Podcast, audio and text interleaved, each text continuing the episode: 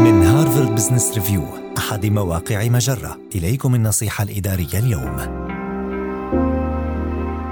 خطط لنومك كما تخطط لجدول أعمالك اليومي.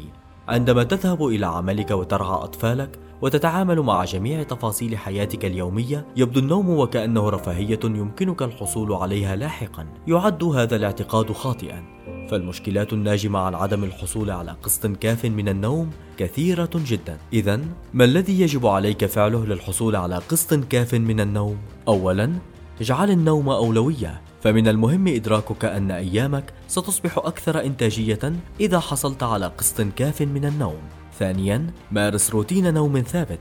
ذلك أن الروتين المنتظم يهيئ جسمك لموعد الاستيقاظ وموعد النوم ويتيح له إطلاق هرمون الميلاتونين في الوقت المناسب وهو ما يسهل عليك النوم بعمق. ثالثا قلل التعرض للضوء الأزرق في الليل فقد يفسد عليك الحصول على نوم هانئ. رابعا أبقي هاتفك بعيدا عن غرفة نومك وتوقف عن العمل عندما يقترب موعد نومك. خامسا درس إمكانية اتباع نظام ساعات عمل مرنة. فالعمل من المنزل أو التخطيط لجدول مواعيد عملك بما يتناسب مع جداول مواعيد أسرتك يمنحك إحساسا أقل بالتوتر ويتيح لك النوم بشكل أفضل.